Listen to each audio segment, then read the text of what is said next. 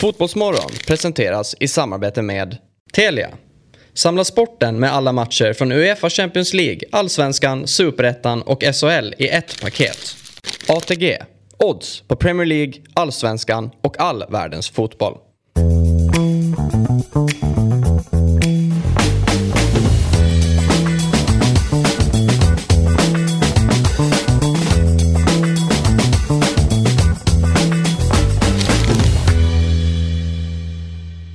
Då säger vi god morgon och varmt välkomna till Fotbollsmorgon. Det är onsdagen den 7 september och för er som har koll, det hoppas jag att alla har som lyssnar och tittar, så är det ju val på söndag och vi ska ha lite extra fokus på det idag.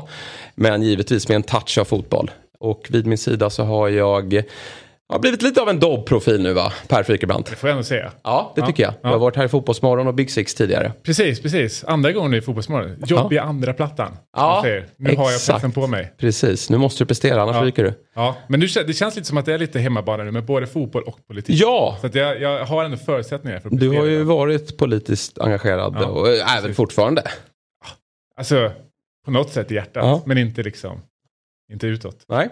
Och vid den sida då så har vi ju eh, två väldigt politiskt engagerade. Vi har finbesök i studion. Först börjar vi med Romina Pourmokhtari som ju är ordförande i Liberala ungdomsförbundet. Ordförande i RFSU och riksdagskandidat här nu då på söndag. Inte riktigt ordförande. för Inte? Nej, men jag sitter i styrelsen. Jaha, Jag har liksom okej. ett eh, sidoengagemang i sexualpolitiken som Ja, är riktigt förstår. spännande. Ja. Eh, Du kanske blir mycket- ordförande då? En, en Ja, vem kuppar dig? Han som är det nu har varit vänsterpartist tidigare. Oj då. Eh, Så det är, det är en väldigt politisk men ändå apolitisk organisation. Den är väldigt spännande. Där man Oj, oj. liksom, vi säljer ju kondomer och grejer och sen så tar vi de pengarna och typ startar abortkliniker i utsatta länder och har massa spännande verksamheter Oj. som är superviktig.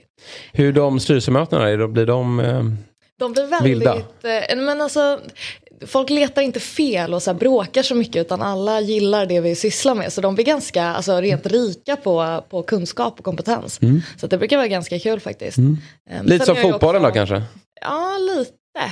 Jag tror fotbollen har en lite längre hetare. väg, väg Ja, dit. Kanske ja, att bli, ja. Mm. bli så eh, potent. Nej men eh, jag är ju mest politiker och riksdagskandidat just nu. Så det, det är lite där fokuset hamnar. Mm. Kul att ha dig här. Tack. Eh, och vi säger också varmt välkommen till Elsa Alm. Som ju är socialdemokrat och eh, ung sekreterare i LO Sverige. Exakt. Mm. Vad innebär det? Eh, det innebär att jag representerar LOs unga medlemmar. Mm. Eh, så att det är en grupp på ungefär 300-400 000 kan man säga. Det är häftigt. Och ni har ju båda varit med på den här listan. Eh, heta under 30 har jag noterat. Det är mäktigt. Ja, den är kanske inte på Forbes nivå men, eh, men den är ganska Men trevlig. Ja. Du och jag har inte varit nära Per. Eh, vilken Eller du kanske var här? det? Är det? Ja, men ni får berätta vad ni båda var med på. Ja, men eh, är det Expressens eller? Jag gissar att Ja, det är det. jag- Ja, det är Expressen. Jag har inte varit med. Expressen har en 30 under 30 för eh, folk i politiken. Så jag vann faktiskt den. Eh, Jättespännande. Skönt sätt att avsluta ungdomspolitik-svängen. Ja. Och Elsa har väl också stått där ett stabilt antal gånger. Man återkommer så att säga.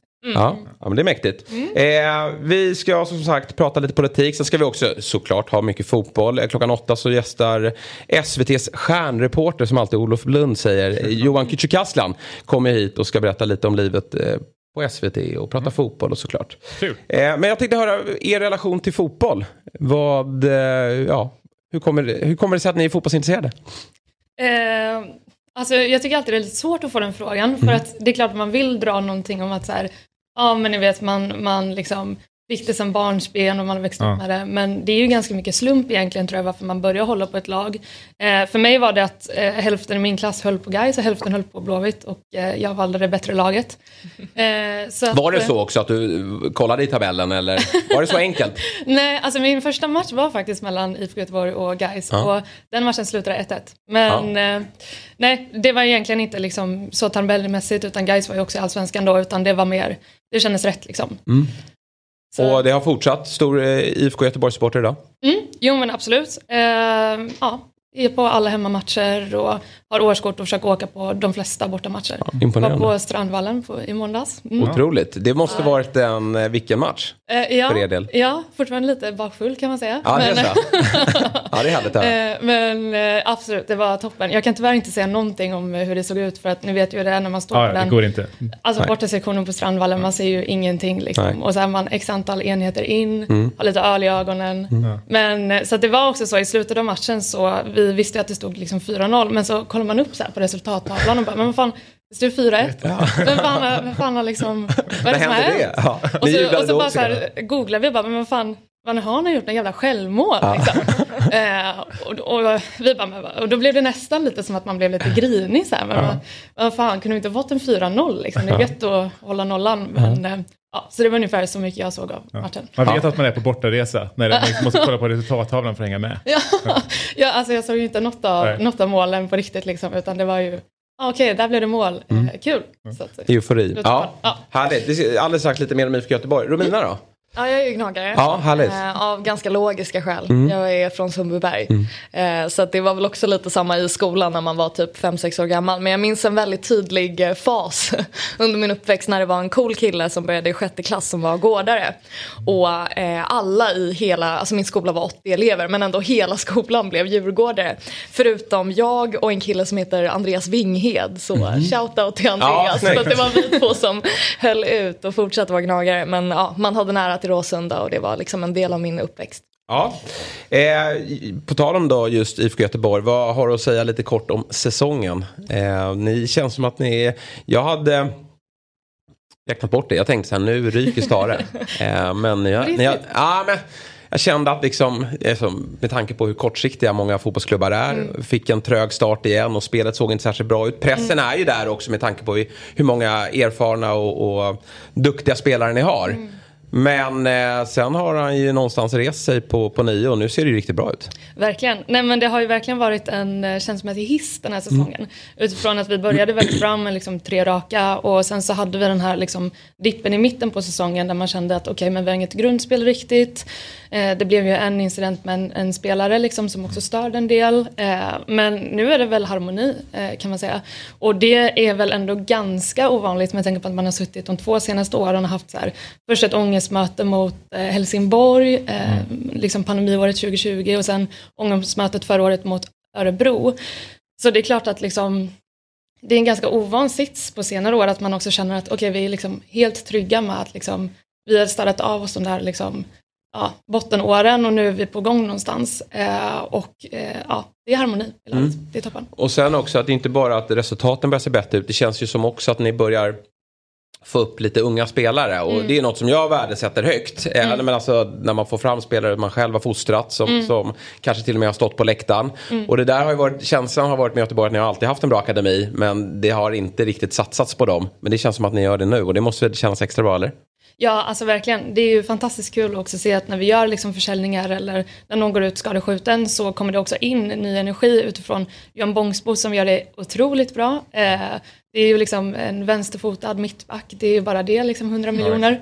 Eh, och sen också såklart då Hussein Kanel som alla liksom har pratat gott om mm. väldigt, väldigt länge, men som man nu också får se gå in och leverera på plan, så att det, det är toppen. Innan vi ger oss in på lite mer eh, politiska frågor då, så kan vi väl ta lite headlines. Det är alltså Håland.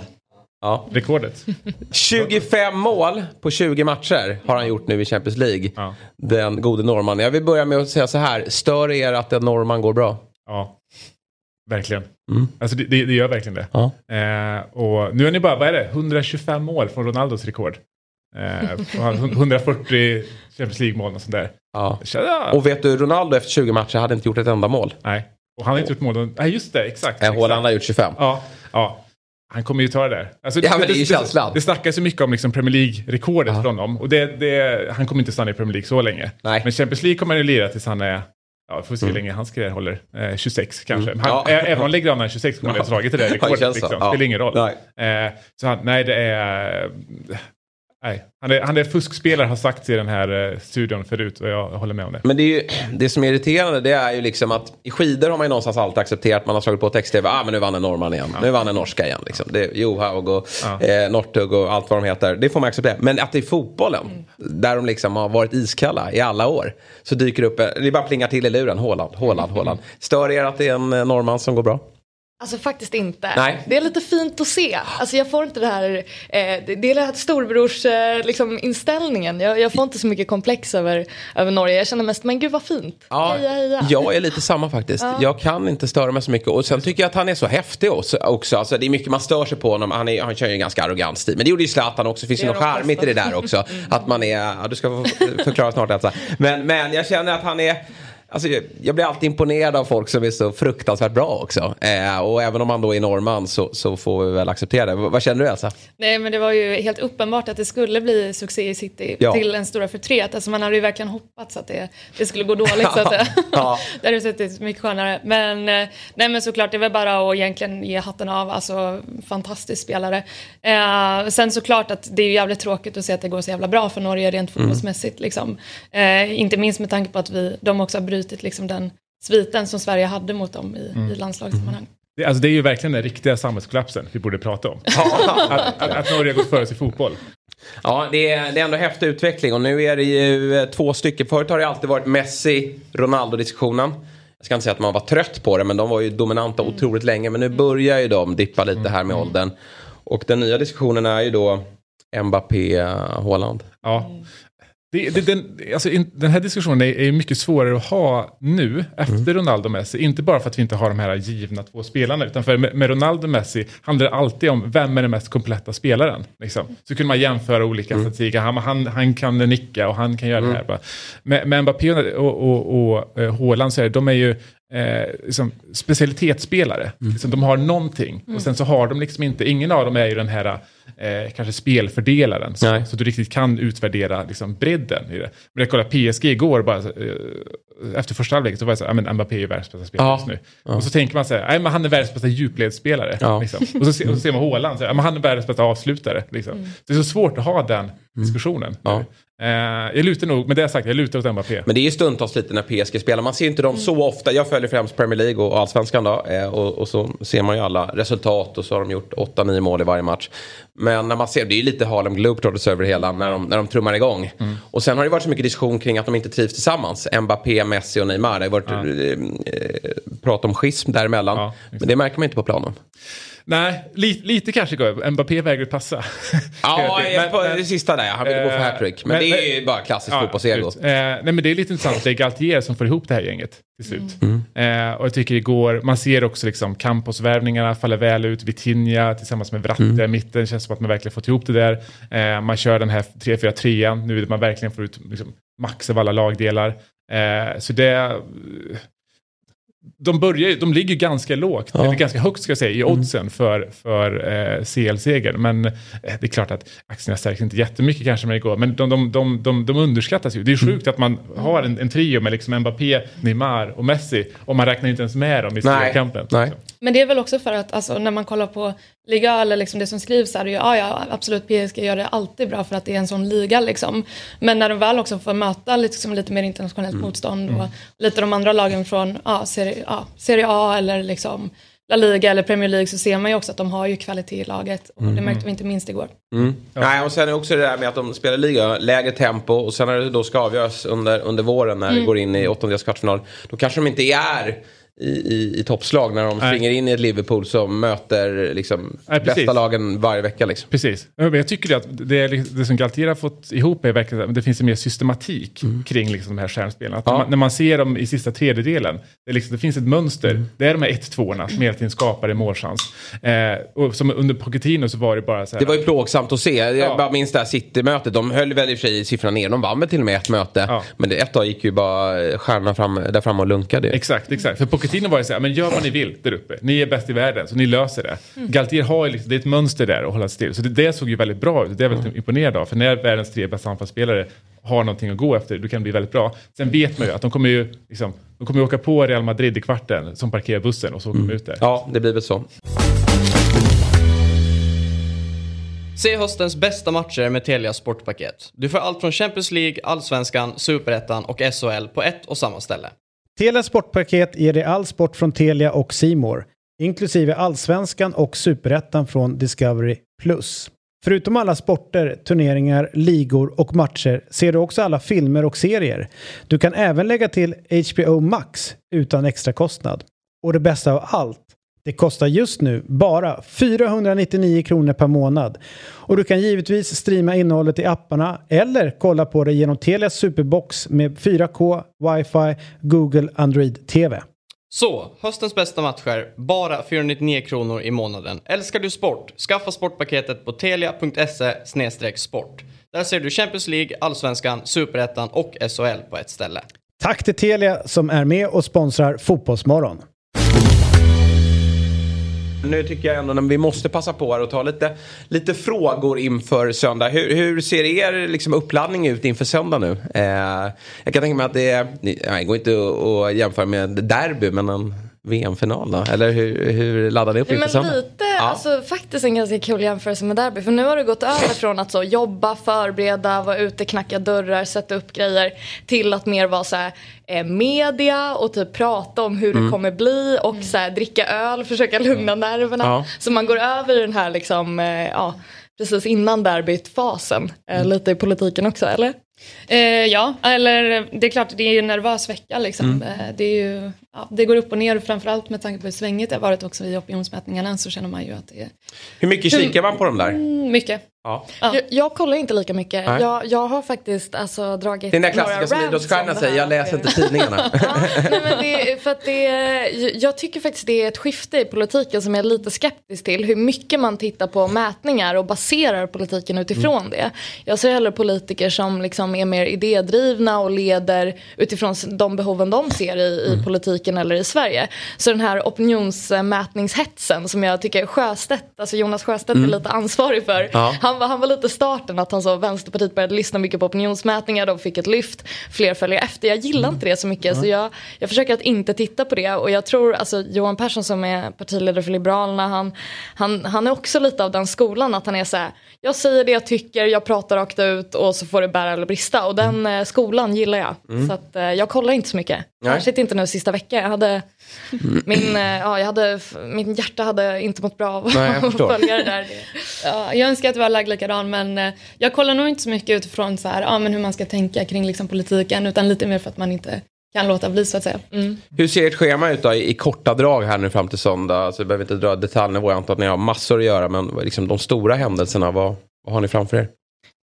Ja, nej men alltså mest kampanj alltså ja. varje dag liksom. Det är ju ja, snacka med väljare eller liksom ringa samtal. Eh, och sen så blir det ju en del, precis som Romina sa, en del medieförfrågningar och sånt där som man får tackla. Så mycket sånt. Mm. Ja, jag är ju ordförande för ungdomsförbundet så jag är mycket ute på skolor. Mm. Eh, och det är ganska kul för att de som ska rösta för första gången, alltså 18-åriga gymnasieelever, de är väldigt öppna. Mm. Så det blir ganska spännande debatter och väldigt avgörande vem som hovar, hovar in en debatt. Eh, så att eh, man kan dra ganska många röster på ganska kort tid. Så det är hög press ja, och väldigt kul. Vi hade också en debatt i Linköping som är, alltså jag tror faktiskt att det är Sveriges största politiska debatt och det är ungdomsförbunden som tar den. Mm. 6 000 elever i en arena som också får rösta på mentor knappar vem som har vunnit. Wow. Så att det var hög press och ja. väldigt, väldigt roligt. Ja, jag förstår det. Hur det ofta springer ni in i idrottsfrågor då från era potentiella väljare? Eh, alltså, ja, det är klart att en del frågar liksom. Mm. Och eh, jag tyckte det, det, var kul för att eh, i våras så var jag liksom på någon så här LO-grej och så kom, kom Ardalan dit och jag känner hans politiska sakkunniga ganska bra. Och då pratade vi lite om så här, idrottsfrågorna och Ardalan är ju väldigt fotbollsintresserad. Liksom. Mm. Och sen åkte de iväg och drog till en skola och eh, då mässar Åsa då som hon heter sen bara, ja, första frågan vi fick här var om villkorstrappan. Ja.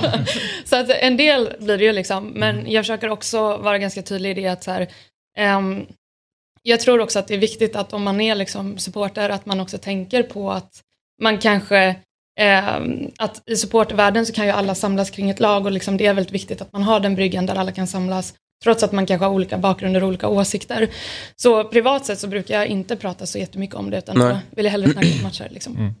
Det känns lite som att man kan, politiken, för jag har varit engagerad själv, det känns som att man ser ner lite på idrottsfrågor. Jag vet att när jag var engagerad, jag hade inte någon så här hjärtefråga som tydligen brann för att det var mm. någonting med utrikespolitik eller ekonomisk politik eller någonting sånt. Utan jag, jag känner att men är det någonting jag ska engagera mig i så är det ju liksom mm. idrottsfrågor. Mm. Och när jag lyfte det, då var det mer som att säga, ja men alltså, det där har vi ju någon som gör, någon, med, mm. någon på kultur gör det där. Liksom. Känner ni samma sak eller känns det som att det kanske har liksom, hänt lite på, på Nej men jag, jag delar den bilden och jag, alltså hade absolut inte planerat att dra in fotbollen i politiken men eh, det blev lite så nästan för att jag blev så provocerad över just det du mm. säger. Att ja. Eh, av någon anledning så har man ganska dåliga perspektiv på idrottsfrågorna och liksom, eh, exempelvis har jag jobbat mycket med kulturpolitiken eh, och jag skulle ändå absolut se paralleller mellan vad fotbolls, alltså fotbollen är ju en kultur och, och liksom på samma sätt är läktarkulturen en kultur man borde värdera på ett sätt som man inte gör i Nej, politiken. Mm, mm. Eh, så att jag tyckte att man eh, misshandlade de här frågorna lite för mycket och det var lite därför jag råkade börja prata om det fast jag egentligen ja. inte hade några planer på det.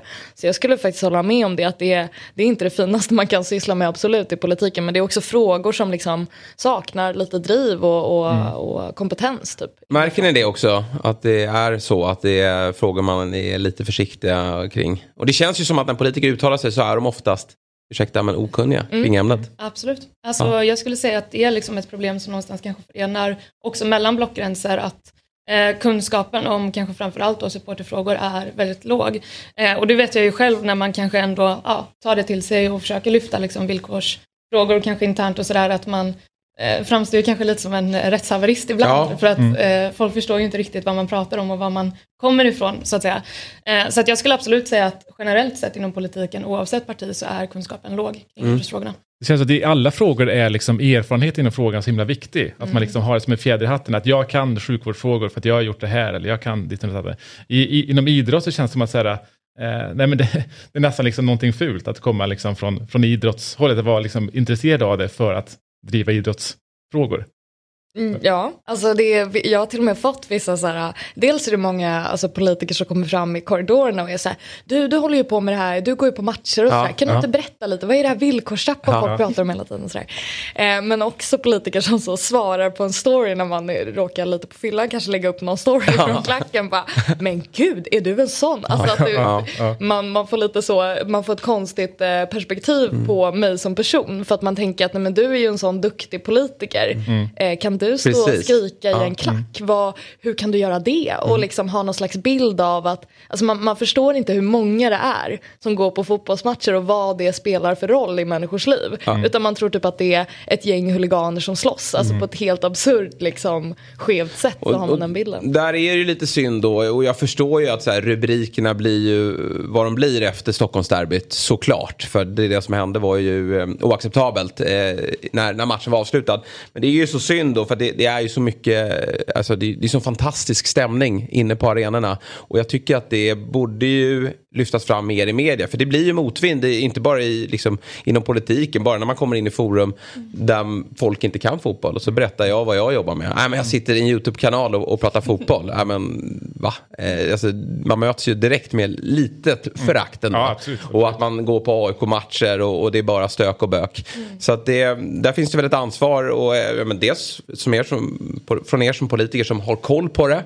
Men också från media som folk läser. Mm. Eh, Definitivt. Dagligen. Och jag menar, där kan man ju verkligen bara lyfta, liksom, eh, det finns ju jättemånga som har gjort liksom, trådar kring liksom, hur samhällsviktiga någonstans supportrar är och, och inte minst liksom, om man eh, också kollar på hur mycket liksom, pengar som fotbollen också eh, om man innehåller så vet man ju också att eh, mycket av den kärnan som finns liksom kring klacken och sådär är ju också en stor pengasäck till liksom hela idrottsrörelsen någonstans. Och därför är det också viktigt att liksom lyfta de människorna som också lägger ner jättemycket tid, mm. helt ideellt, på att liksom skapa en fantastisk atmosfär som gör att allsvenskan ändå är värd att liksom gå på och engagera sig i. För att vi kommer aldrig kunna konkurrera med liksom Premier League liksom spelmässigt eller mm. liksom Eh, utan det vi kan konkurrera med det är att vi har en fantastisk läktarkultur i Sverige.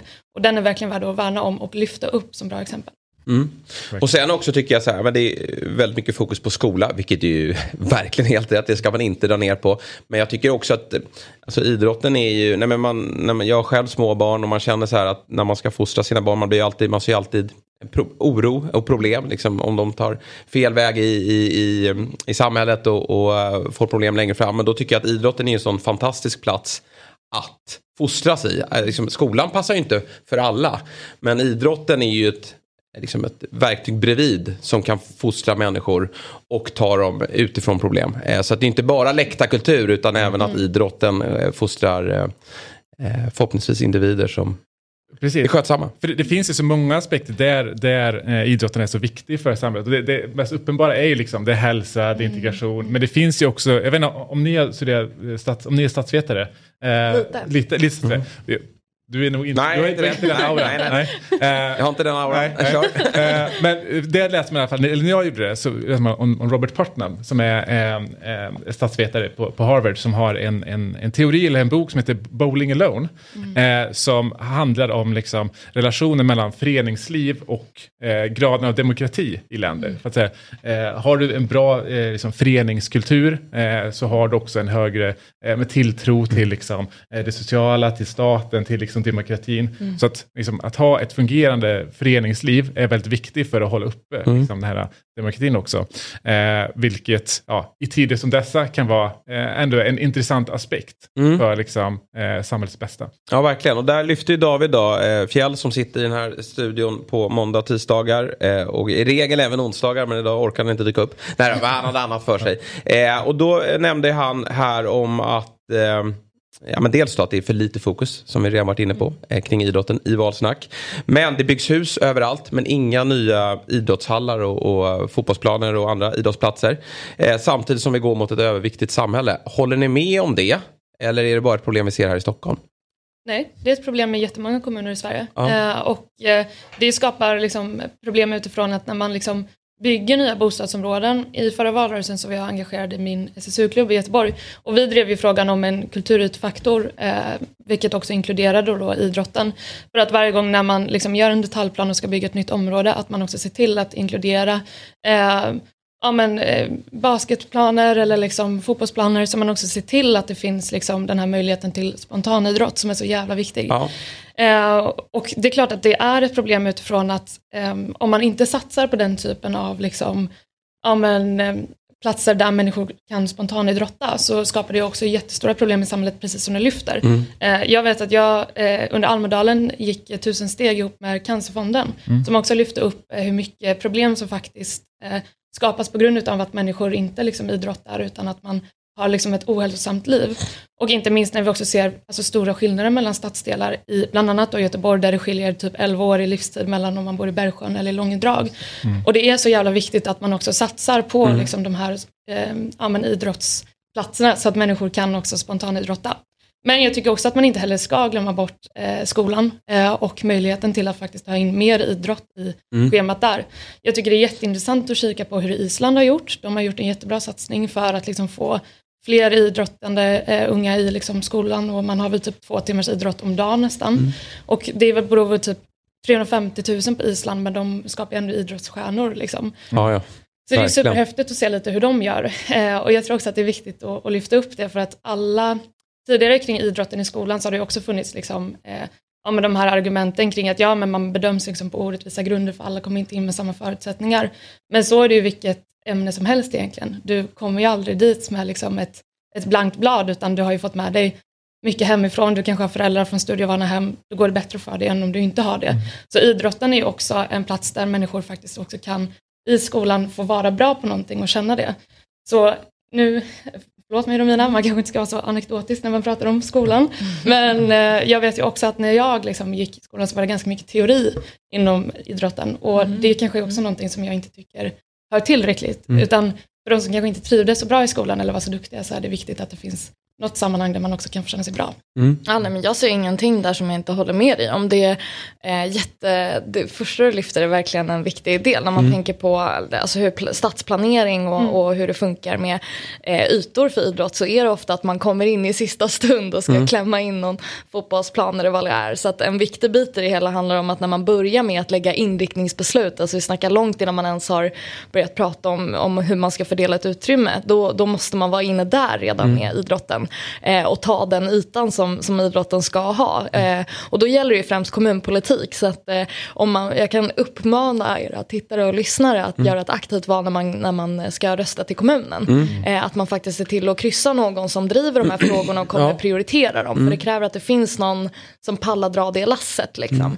Men absolut, när det kommer till idrott i skolan så finns det väldigt mycket bättringspotential. Alltså, Sverige skulle verkligen kunna göra det på ett bättre sätt än vad man tror. Jag ser gärna att man skulle eh, fördela mer alltså, idrotter emellan, att man får göra det man tycker är kul och liksom spetsa snabbare. Ja. Eh, det hade jag gärna, jag hade gärna sett en sån utveckling i svensk skola och mm. svensk skolidrott. Och sista grej som jag tänker mm. på också, att eh, en, en grej som jag tycker är problematisk, som jag tycker också att lyssnarna ska ta med sig, eh, det är också det här man ser att det har liksom ökat antal klagomål på liksom idrottsplaner som är öppet sent på kvällarna. Mm. Eh, att så här, folk stör sig av att det finns liksom en, en fotbollsplan som är öppet ja. till 21-22 eller en basketplan eller vad det nu än kan vara.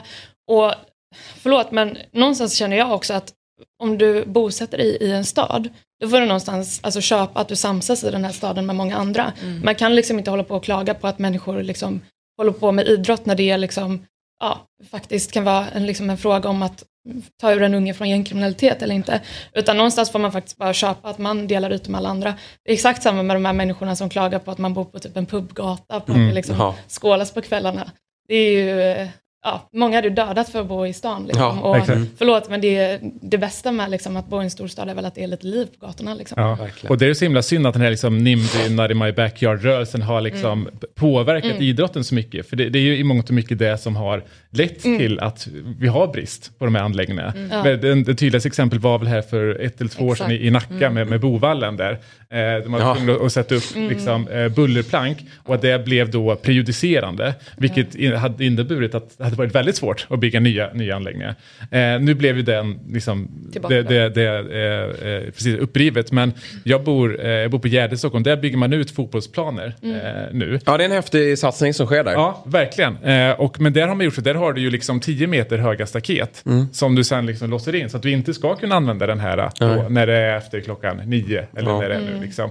Så det finns ju fortfarande de, de tendenserna kvar, även om det är väl en, liksom, såklart en bättre lösning om vi inte har det överhuvudtaget. Liksom. Såklart. Och där tycker jag att man också kan kika på väldigt många eh, bra initiativ eh, där man faktiskt också kör liksom, nattfotboll i utsatta områden mm. och liknande. Mm. Och faktiskt istället lyfta det och tycka att det är en bra grej istället för att ja, det spelas lite fotboll på nätterna. Liksom. Mm. Det är klart, jag tycker väl inte heller, jag har också någon på min gård som börjar spela basket typ åtta på morgonen lördagar. Ibland har jag ju lust att gå ut och bara, men snälla sluta, jag är bakfull liksom. Mm. Men ja. någonstans får man också bara köpa att man samsas i, ja. i en stad liksom.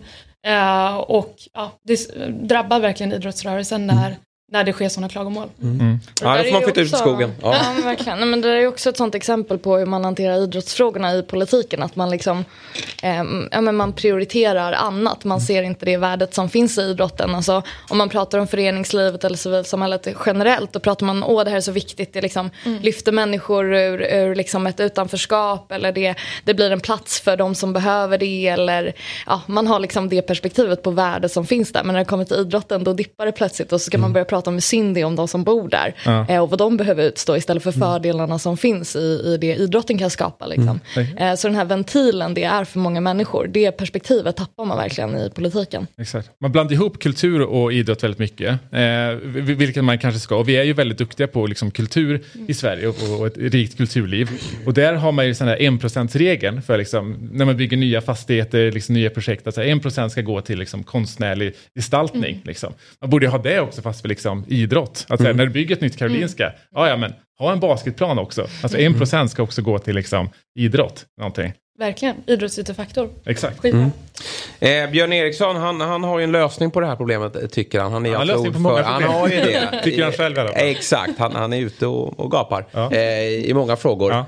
Eh, får se om ni tycker att han är rätt ute här då. Han eh, ser ju också problemet det här med att eh, var tredje förening idag får säga nej till medlemmar för att det är en platsbrist. Mm. Man har inte idrottshallar eller eh, planer att kunna eh, tillgodose sina medlemmar. Eh, och då menar han på att man ska införa en nationell fond mm. för idrottsanläggningar. Eh, så att kommunerna kan ta hjälp därifrån. Vad eh, säger ni om det? Alltså det är en bra idé. Men eh, i praktiken undrar jag om den hade fått rätt effekt. Jag tänker på att det, eh, kommunen Alltså som jag nämnde, det bästa man kan göra om man tycker det här ska prioriteras mer är att mm. kryssa en politiker som kommer driva frågorna i kommunen. För att ofta är det en prioriteringsfråga. Alltså kommuner, eh, kommunen har ju en viss yta. Mm. Eh, en viss mark, ofta dyr mark och om kommunen ska satsa på någonting då kommer de pengarna tas från annan, alltså man har ju samma kakburk. Ja. Eh, så att, att söka pengar utifrån just för idrotts eh, anläggningarna skulle eh, kanske vara ett bra sätt för kommuner som har ja, brist på pengar för det. Mm. Men det handlar fortfarande om vad kommunen väljer att prioritera. Mm. Eh, man kan ju välja att prioritera idrotten eller mm. att bygga en bostad eller eh, bygga ytor för företag att flytta dit. Så att, eh, och där väljer man ofta bort idrotten. Så mm. jag tror att det hade absolut kunnat ha liksom en en viss effekt men i slutändan handlar det om att det måste sitta politiker där som faktiskt prioriterar idrottsytan framför annat. Mm. Eh, och just därför menar jag verkligen att om man, om man tycker här ska, eh, perspektivet ska lyftas mer så måste man kryssa någon som aktivt driver idrottsfrågor mm. i din kommun. Mm. Nej men spontant så tycker jag att det låter som en ganska bra idé. Mm. Alltså just utifrån också att kommuner har ju så otroligt olika förutsättningar. Eh, jag vet om man pratar exempelvis om storstadsregionerna och då kanske framförallt Stockholm så är det ganska lätt att hålla nere liksom, eh, skattenivån utifrån att det bor ganska, liksom en ganska välbärgad grupp någonstans som kan liksom, ja, eh, också betala ganska mycket. Så att jämfört med liksom typ Arjeplog eller Kiruna så kan man liksom hålla nere det. Och det gör också att det blir svårt liksom för typ Arjeplog och Kiruna att göra de satsningar som kanske behövs på idrott. För att du har liksom en, en platt kommunalskatt på typ 35 kronor på 100-lappen eh, och du kan liksom inte heller riktigt höja den för att det drabbar liksom låginkomsttagare. Så att eh, spontant sett så kan ju det också vara ett sätt att också jämna ut det lite utifrån att många kommuner kanske inte har råd att göra de satsningar som mm. kanske krävs, som kanske funkar här men inte riktigt i de mindre kommunerna. Mm. Mm. Men håller du med om att det också krävs en kommunpolitiker som vill bygga ja. eh, och driver det i mål? För det är ofta där det fastnar, alltså man mm. ser till hur vad är det, var är stoppklossen? Mm. Liksom? Mm. Då ser jag ofta att det, det mm. finns inte den där politikern som tar fighten och driver det i mål. Mm. Eh, så det kräver att man röstar in lite idrottstaggade mm. kommunpolitiker. Och att de håller löftet. Och att de håller löften och jobbar hårt. ja, man kan ju ligga på latsidan ja. också, så kryssa någon så som jobbar. Man får lite motstånd och sen så Lägger man. går man eh, vidare. Känner att vi har lite liksom, påbörjan till Fotbollsmorgons första politiska debatt här. Ja men verkligen, det gillar vi. Vad säger jag du då? Jag frågade bara, håller du med om? Ja. Och jag svarade ja. ja exakt. Aldrig varit så fredligt mellan sossar och liberaler. Jag, jag tycker, eh, oavsett vad man tycker om förslaget, mm. eller och nu sitter jag här som liksom, eh, den eh, opartiska Anders Pilblad ja. i den politiska debatten. Precis. Här. Eh, men så tycker jag att det är eh, väldigt hedervärt den här, den här typen av initiativ ändå från, från Björn Eriksson. Jag tror att problemet, att inte liksom, idrottsfrågor mm. är så högt upp på agendan eller så så intressanta är just för att det ligger på kommunal nivå. Mm. Och att hitta den här typen av frågor som faktiskt ligger på nationell nivå ökar ju per automatik intresset. Mm. Eh, för det är ju liksom att säga eh, jag, vet, jag har själv varit liksom engagerad i kommunen, mm. satt liksom i, i skol, eh, eh, eh, skolnämnden där och man vet ju vad det är. Kommunala frågor är inte alltid jätteroliga och jätteengagerande. Det var liksom eh, driva mm. vegetarisk eh, alternativ på lunchmenyn. Liksom, mm. Så att, att, få den här typen av, av frågor faktiskt på den nationella agendan som inte bara är eh, ja, med villkorstrappan liknande. Mm. Det, det, det, är ett bra initiativ. Mm. Mm. Villkorstrappan hamnar ju inte heller på en, alltså om man ska prata typ eh, regeringar och ministerposter så blir ju det en fråga för polisen och inte en fråga för idrott. Alltså det, är ju liksom, mm. det hamnar i olika spår och ja. såhär, det blir ju väldigt intressant om man tänker på såhär, vad, vad blir kommunens roll? Alltså, om man ser till andra politiska områden så kan ofta en minister driva på en utveckling där regionerna och kommunerna inte hänger med riktigt. Man mm. går i sina gamla hjulspår och har någon förvaltning där någon dassig chef har suttit i 30 år och gör sin grej. Mm. Liksom. Men så kommer man från regeringshåll och är så här, du nu har jag fått liksom makten här i riksdagen mm. och jag har en vision om vart samhället ska. Och så kan man liksom driva på en utveckling. Mm. Eh, och där har ju liksom en idrottsminister en stor roll och, och att liksom kunna fylla. Där det uppenbarligen finns ett utrymme, mm. ganska tomt där. Det kan hända mer än vad det gör nu. Jag såg att Socialdemokraterna, det är en het debatt ute i Solna eftersom det är klubben jag, eh, jag följer och även du då mm. Romina. Men där har det ju varit eh, problematiskt med eh, ja, men Skytteholm som är ganska mm. risigt. Och, och AIK är ju dessutom också ute efter en, en, en ny träningsanläggning. Det är ju liksom den pågående diskussionen. Mm. Sen är det problem att AIK aldrig har pengar att, att bygga sin egna. Men, men vill väl ha hjälp från, från kommunen också såklart att, att kunna lösa det här. Men, men då går ju Socialdemokraterna ut här och eh, lovar en, en upprustad, ett upprustat Skytteholm. Och jag ser nu eh, liksom, AIK som jag följer på Twitter lyfter verkligen fram det här. Och um, vill ju få med sig många AIK att eh, är du AIK så är det ett självklart val att kryssa i Socialdemokraterna i, inom kommunen just för att få igenom den här frågan. Mm. Affischerna sitter precis utanför Friends. Också. Exakt, exakt. vad, eh, vad gör Liberalerna då? Ja, nej men alltså det är klart man kan, eh, man kan lova att ta det initiativet. Ja. Det är enklare om man är socialdemokrat och säger att eh, vi ska höja skatten och alla ska få allt. Liksom. Mm. Eh, så att den logiken går inte att applicera rakt av. Men eh, ja, jag vet inte, jag är ju kommunpolitiker i Sundbyberg snarare. Så jag, ja. det, är inte, det är out of my men jurisdiction. Men där hade där jag kan vi ha en träningsanläggning. det går alldeles utmärkt. Och det har jag faktiskt drivit ja, internt i kommunföreningen. Ja. Eh, och vi har ju också, alltså, eh, Johan Storåkers som är kommunalråd i Sundbyberg för Liberalerna, han driver ju jätteaktivt idrotts och kulturfrågor. Har satsat jättemycket på att ge ett lyft till idrottsanläggningarna där. Så vi driver de frågorna ganska mycket. Och i Sundbyberg så är det inte bara snack som i Solna där det är mycket snack, lite verkstad. Ja. Utan i Sumpan så har vi faktiskt lyckats agera också mm. på det. Och det är ju för att det har suttit en liberal vid rodret. Så det beror på lite vilken skola man är av. Vill man ha action eller vill man ha löften? Jag känner ju att du får lite problem här Elsa. Med tanke på att jag tror inte du vill att sossarna vinner i Solna. Eftersom om, om de vinner där va, så kanske de rustar upp Skytteholm och AIK blir bättre. ja du vet det börjar ringas arga samtal direkt till mina kompisar i, mina sossekompisar i Solna. Så ja. Vad fan håller ni på med? Ja, det, här, det här var inte vad jag skrev under på. Nej, eh, nej men skämt åsido, alltså, det är väl jättebra att det tas liksom, kliv mm. för att också lyfta idrottsfrågorna. Det är väl kanske också en morot för andra partier också att komma liksom, med, med andra förslag på hur man kan förbättra det. Jag snackade faktiskt med en kompis som håller på Gnaget igår som berättade att det typ inte har byggts en idrottsplan i Solna sedan typ 2004 eller mm, någonting. Mm. Eh, så det kanske är dags att göra någonting åt det.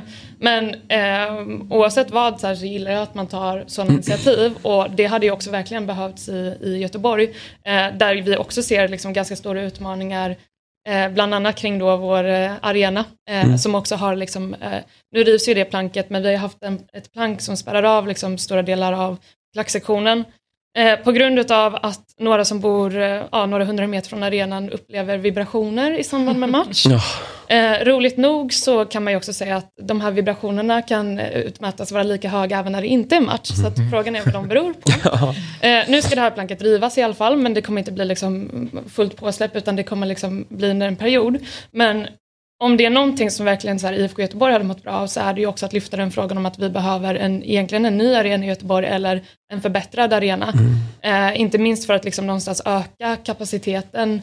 Eh, för att nu säljer vi slut på nästan alla liksom, biljetter och ska vi ta nästa kliv också som, som fotbollsklubb så behövs det liksom en bred politisk enighet i Göteborg mm. kring att få till en ny arena. Men den frågan har liksom fastnat i ja, ganska mycket politiskt eh, käbbel. Så mm. vi får hoppas att efter valet så kan det väl hända något. Sen, sen, ser vi ju kommuner som, och de får ju oftast kritik i övriga eh, fotbolls eller idrotts-Sverige, framförallt mm. i hockeyn då, så har det alltid varit kritik mot Leksand som, som av kommunen alltid får resurser. Det bara kastas mm. pengar på dem. Mm. Och jag skulle säga att det, det beror ju mest på avundsjuka. Alltså, den där kommunen skulle man ju själv vilja ha som är stolt över den klubben. Jag tänker så här, Solna då. De, de, de, känns som att de ser problem eh, med AIK.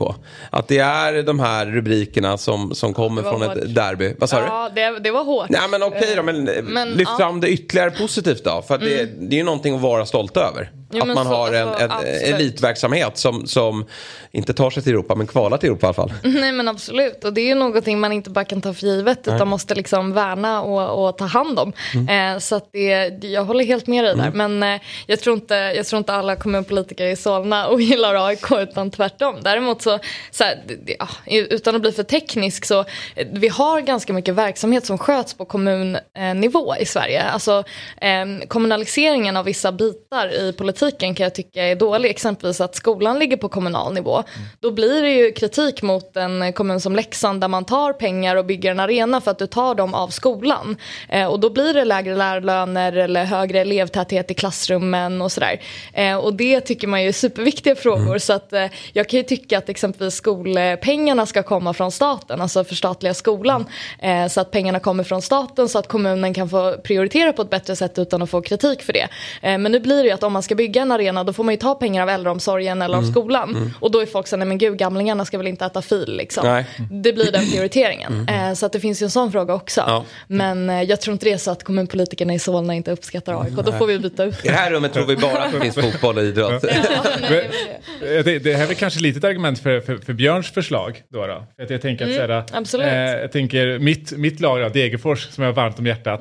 Mm. Eh, men de gick upp i allsvenskan så är, man behöver investera liksom 20 miljoner ja. och det får ju komma kommer från kommunen och det är en liksom ganska fattig kommun. Mm. Eh, och där är det kanske lite enklare för ett Solna att lägga 20 miljoner på, på AIK. Lite mm. svårare för ett i Degerfors. Ja. Jo, men, liksom... precis. men då kräver det också att det finns, eh, dels när du pratar om Arjeplog och så, alltså mm. absolut. Mm. Eh, och man har ju läst de här nyheterna om unga som behöver liksom resa i flera timmar för att komma till en fotbollsarena. Det vill man ju mm. verkligen motverka. Och där finns ju också ytan. Men om man ser till kommuner som är lite tätare, exempelvis Sundbybergs kommun, Sveriges minsta kommun till ytan. Mm. Eh, då är det ju snarare en prioritering om vad ska den här marken gå till, mm. inte bara pengarna. Så det gäller att ha alla aspekter. Och där är det allra viktigaste att det sitter någon som pallar driva frågan ja. och prioritera det framför annat. För politik generellt handlar väldigt mycket om prioriteringar. Så att om man exempelvis har svårt att veta hur man ska rösta, kolla vem som snackar om det du tycker är viktigt. Mm. För att det är ofta det som resulterar i faktiskt resultat. Så. Mm. Bra. Eh, idrottsminister då? Behöver vi inte ha en riktig sådan? Anders Ygeman är integrationsminister idag, migrationsminister och då idrottsminister. Mm. Behöver vi inte ha en uttalad idrottsminister? Jag brukar säga så här, om man är på en arbetsplats och tittar in i köket, mm. då ser det ofta lite risigt ut. Mm. Och då är det för att man har sagt så, alla får se till att det är rent i, i köket. Eh, och det funkar inte att man ofta tänker likadant med typ idrottsfrågor, att man är så, ja men det går in lite i den här ministerposten och lite i den här och därför ska alla ha ett litet öga på det. Det funkar inte, utan man behöver ha en faktisk idrottsminister mm. som ser behoven och som också liksom driver utvecklingen lite, mm. alltså har det här visionära perspektivet och driver fram det, det, det liksom långsiktiga perspektivet medan kommunpolitikerna ofta sitter med en specifik skyttan som behöver upp, alltså så, mm. de frågorna. Eh, så att jag tycker absolut att det behöver ta lite större utrymme i politiken mm. också. Och det där är ju en ren prioriteringsfråga. När en statsminister sätter sin eh, kabinett, liksom, mm. då, då ser man ju vad man prioriterar. Vad är det som får en ministerpost? Var sätter man den bästa politiken? Var vill man ha action och var skickar man också pengarna från finansministerns håll? Eh, så att det är absolut en sån fråga där man kan göra det, sköta det på ett bättre sätt enligt mig. Håller du med Elsa? Ja, alltså jag är verkligen inte främmande för att man ska ha en, idrotts, alltså en ren idrottsminister och liksom ett idrottsdepartement. Det som kanske ställer till det lite, det är ju någonstans att man ändå haft synen, alltså historiskt på liksom idrotten, att det ska vara lite armlängds avstånd mellan politiken och idrotten. Just utifrån att idrotten drivs fram av så mycket ideella krafter och att man någonstans inte vill hämma det från politikens håll utan man vill skapa förutsättningar men man vill inte ta över. Mm. Och det är ändå en ganska liksom, viktig balansgång. Eh, och sen så här, det är klart att eh, det är klart att jag vet ju att Anders Ygeman är liksom en person som gillar fotboll väldigt mycket, inte minst Djurgården. Mm. Eh, och det är ingenting som han hellre pratar om än liksom... Bara där ska han bort. det gick ju inte så mycket bättre med Damberg heller. Alltså, han är inrikesministerrollen och har ju ansvaret för villkorstrappan. Ja, ja. Det... Eh, men, men oavsett vad så vet jag att det är en person som ändå liksom någonstans känner till liksom idrottens förutsättningar i grunden och brinner för de frågorna. Eh, och det är väl liksom någonstans positivt. Men mm. jag tror också att man någonstans liksom brett i politiken får liksom fråga sig, ska vi ha den här liksom policyn kring liksom idrott staten att vi ska ha armlängds avstånd, ja men då får man nog också kanske vara beredd på att det kommer liksom inte bli ett eget departement och en, liksom en egen ministerpost utan då kanske det också blir att, ja precis som man gör nu då, att man får liksom integrationsposten och eh, idrottsposten för man tycker någonstans att det går ihop i varandra. Det är liksom olika sätt att se på det. Eh, jag har inte emot något av det egentligen. Jag kan lika väl se ett idrottsdepartement och en idrottsminister likväl som jag kan se att man håller lite armlängds avstånd och försöker skapa förutsättningar det finns fördelar och nackdelar med båda. Nej, men jag tror det är viktigt det du lyfter. Alltså, om politiken skulle gå in och bara peta jättemycket i idrotten skulle inte det heller bli bra. Utan det är ju ideell verksamhet, det är föreningarna som driver på för det och den utvecklingen vill man ju verkligen behålla. Men jag tror att ungefär som är att kulturministern också håller armlängds avstånd till kultur, alltså aktörerna på kulturmarknaden så, så finns ju kulturministern ändå mm. där. Att så här, ja, men kanske ha det här lite visionära perspektivet, bygga förutsättningar för kulturen att växa och samma roll kan en idrottsminister ha. Så jag ja, jag tycker det handlar om prioriteringar. Mm. Jag tycker att media gjort ganska bra liksom, på sistone i att, så här, som ni är inne på, det handlar väldigt mycket om ett intresse från, eh, liksom, eh, från ministern i fråga. Eh, och eh, under min tid, så, så länge liksom, kultur och, och, och idrott har, har, hängt ihop i den här mm. portföljen, eh, så kan jag inte erinra mig om någon från, från någon av sidorna som det känns som att här har vi någon som liksom brinner för idrotten, eh, mm. sant idrottsintresse. Det tycker jag att media liksom, de senaste åren har varit ganska bra på att liksom, avkräva ett, ett ansvar, ett mm. intresse från personen i fråga. Det är så att ja, idrottsportföljen är kanske en lite för liten portfölj, men det är precis som ni är på politiken. Alltså det handlar om att någon brinner för det. Mm. Eh, och det, det känns ändå som att det kommer mer och mer liksom, avkrävande där, i alla fall om man jämför med typ 10-15 år sedan. Ja, men numera så. frågar man ju partiledarna vilket mm. fotbollslag håller du på? Ja, jag vet inte om jag har sett det innan. Nej, nej, det är kul att läsa. Det, det är lite det, det, det, det, det, det är många röster man vinner på det där. På, alltså, ja, ju, några lär ju vara där och bara, ja, Djurgården det räcker för mig. Ja.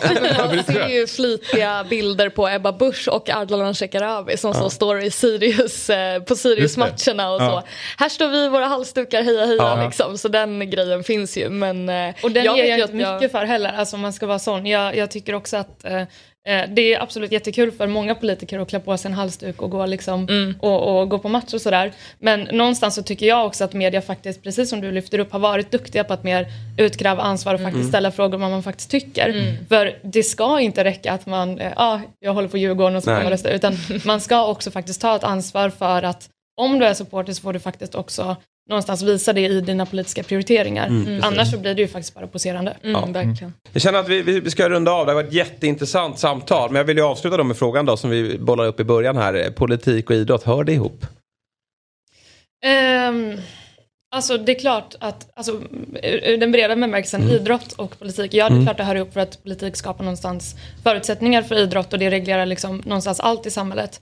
Men det är klart att jag också tycker att det finns en poäng med armlängds avstånd både till liksom idrott och kanske då framförallt till liksom fotboll och supporterskapet. Mm. Eh, jag tycker att det finns en poäng, precis som det jag sa tidigare, att eh, är du supporter eh, till i princip vilket lag som helst så kan alla människor någonstans samlas över liksom bakgrunder och åsikter. Mm. Och jag tycker också att det är jätteviktigt att det finns sådana platser i samhället där man faktiskt kan enas kring någonting.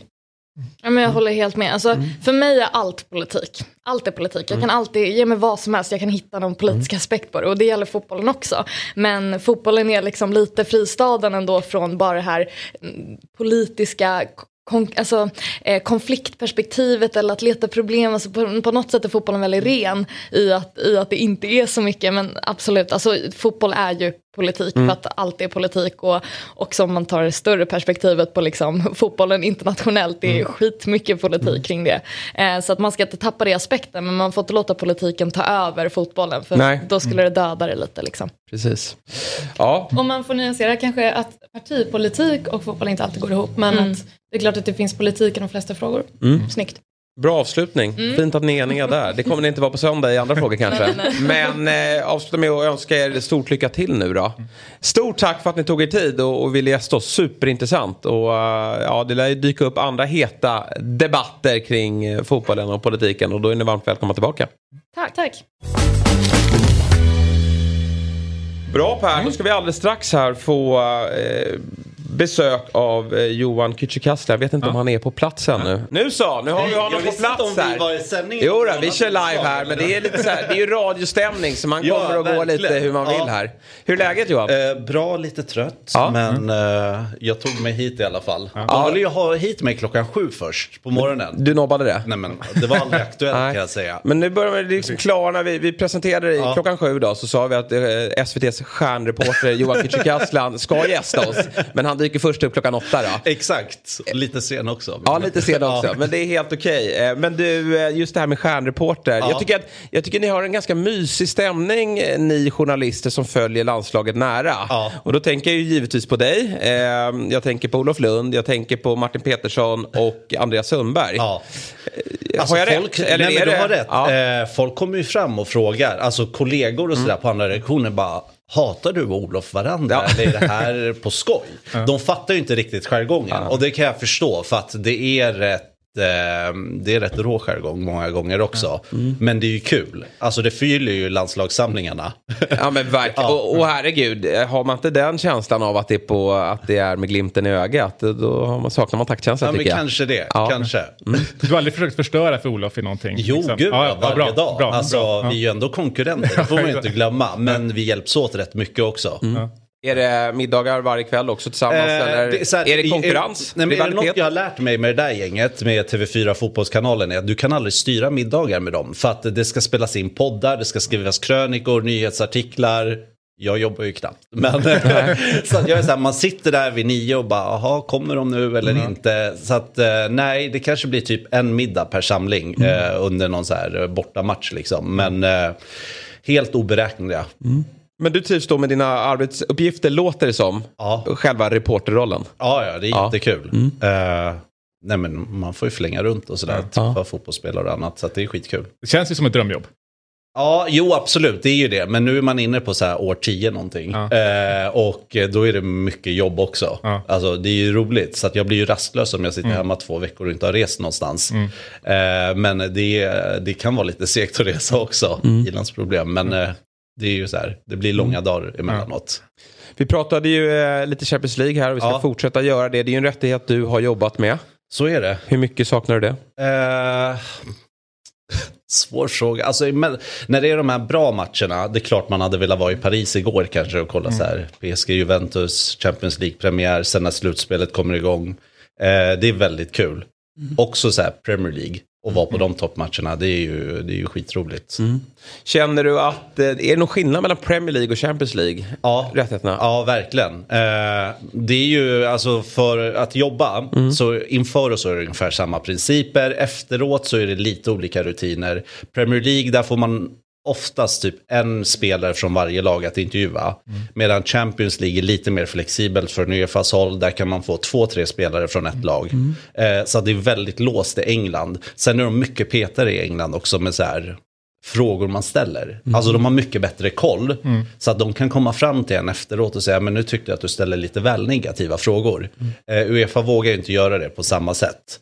Eh, så att Premier League är kanske lite mer så här, stängt. Så de står det bakom och lyssnar då? När Ja, du, gud ja. De har en sån här floor manager som jobbar för Premier League. Alltså det är de som ger reporterna intervjuer. Oftast önskar man ju liksom alla toppnamn, men sen så kommer de med så här Diogo Dalot eller någon sån där. Ja, precis. Ja. Ja. men det är ofta så. Liksom. Eh, har man tur så får man en tränare, eller, men det är väldigt sällan man får de här topp toppnamnen. Och vad är en kritisk fråga liksom? Nej men alltså, jag, när, jag kommer ihåg när, eh, Mourinho, eh, när Mourinho tränade United. Ja. Eh, jag var på en match där de mötte West Brom borta. Det hade gått så här tungt för United, otippat nog. Ja. Eh, då ledde de med 2-1, höll på att tappa ledningen i slutminuterna. Då frågade jag så här, Mourinho, jag bara, men än en gång så här, så tappar ni på slutet, ni håller på att släppa in ett, ett mål. Och då tyckte de att det var en kritisk fråga. Ja. Eller att, de, att jag var för negativ i mina frågeställningar. Ja, då blir det svårt. Ja, det- Eh, ja. Bedriva seriös journalistik. Ja, nej, men det är ju så. För att grejen, man, även om man inte tar åt sig så sätter det sig Ja, i bakhuvudet bara, "Åh, jag orkar inte tjafsa med de här.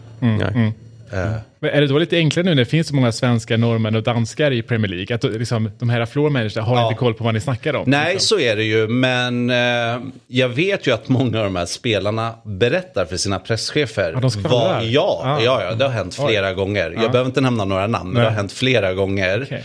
Att jag intervjuat en svensk spelare som sen Mm. berättar för klubbens presschef vad jag frågar om. Ja. Sen nu börjar han fråga om landslaget. Ja. Då får man en utskällning efteråt. Mm, mm. Och man, jag har ju också gjort några intervjuer, inte på din nivå, inte i närheten. Jag får nöja mig med allsvenska, allsvenska spelare. Men, men jag märker ju när du, alltså ibland har man ju lite medvind i intervjuer. Ja. hade, vi hade Jonathan Levi här igår Ja. och man märker ju direkt, jag har intervjuat honom förut, att Ja. här kan man vara avslappnad. Gud, här kan man ju bara skicka ut vad som helst och så tar han upp den bollen och, och är, han är ju frispråkig på korrekt sätt på något Mm. sätt. Att det är liksom, han vet att han har ryggen fri efter en sån här intervju. Men han bjuder på lite extra. Ja. Men jag har ju sett många intervjuer där du har varit med, liksom, tänker på Marcus Rashford och Ja. sådär. Där de kanske inte är lika tillmötesgående och, och roliga. Finns det någon spelare du känner att den här, det här var en sköning? Den här killen hade jag gärna intervjuat igen. Och det hade förmodligen fortsatt blivit bra liksom. Eh, ja, alltså jag gillade Lukaku väldigt mycket. Ja. För han var, men han fick höra att jag var från Sverige, han känner många svenska spelare. Eh, men man märker ju direkt när du träffar en avslappnad Premier League-spelare vilken panik det är så här presschef och bara åh nej nu, nu går de utanför ramen här. Ja. Nu, Ja. nu börjar de prata om någonting och som så här, vi inte har kontroll över. Ja. Och då är det så här, då ska de hela tiden leda in er på så här, ja men eh, ni måste prata om inför matchen, liksom sådana saker. Eh, Pogba var väldigt avslappnad när vi träffade honom också när han var i, i United. Alltså han var så som man förväntar sig att han ska vara. Eh, men sen, alltså, så här, när man bevakar allsvenskan, jag jobbar mycket med allsvenskan också. Det är ju stora kontraster. För mig är så här, allsvenskan bara, det är ju det lätt, mest lättjobbade Ja, man kan ja. göra. Och det är väldigt kul också på så sätt. Att eh, alla spelare är lättillgängliga. Ja, och där börjar jag tycker jag märka att de börjar inse vikten av sitt varumärke Ja. också. Att det inte bara är sarg ut och Nej. bollen är rund. Och, utan att de bjuder lite mer på sig själva och förstår att det här är ju... Ja, men dels kan det finnas en karriär efter eh, fotbollen Precis. inom eh, media. Exakt. Som de redan nu känner att de vill börja bygga upp. Ja men så är det ju. Många vill ju säkert sitta liksom i en studio och vara expert eh, Ja. efter det. Man märker ju det också. Man kollar ju på vilka som sitter i studios nu. så Precis. är det ju många Ja. aktiva spelare också. Precis. Nu återgår vi till, till landslaget. Du, gjorde ju, du har ju varit runt på olika resor som sagt och gjorde ju en intressant reportageserie inför EM där du fick gästa Alexander Isak, Dejan Kulusevski, Kristoffer Olsson. Precis, och Albin Ekdal. Ja, precis. Hans Albin Ekdal. drömmiga hus i, eh, sa- i, eh, är det Genoa? Ja, det är det. Ja. Ja, Det såg väldigt drömmigt ut. Ja men det var väldigt fint. Eh, de Ja. hade ju inte hela tre våningar, de bodde på Aha, nedre. okej, men det var ja. ändå, de Ja. har liksom pool och Ja. terrass, havsutsikt.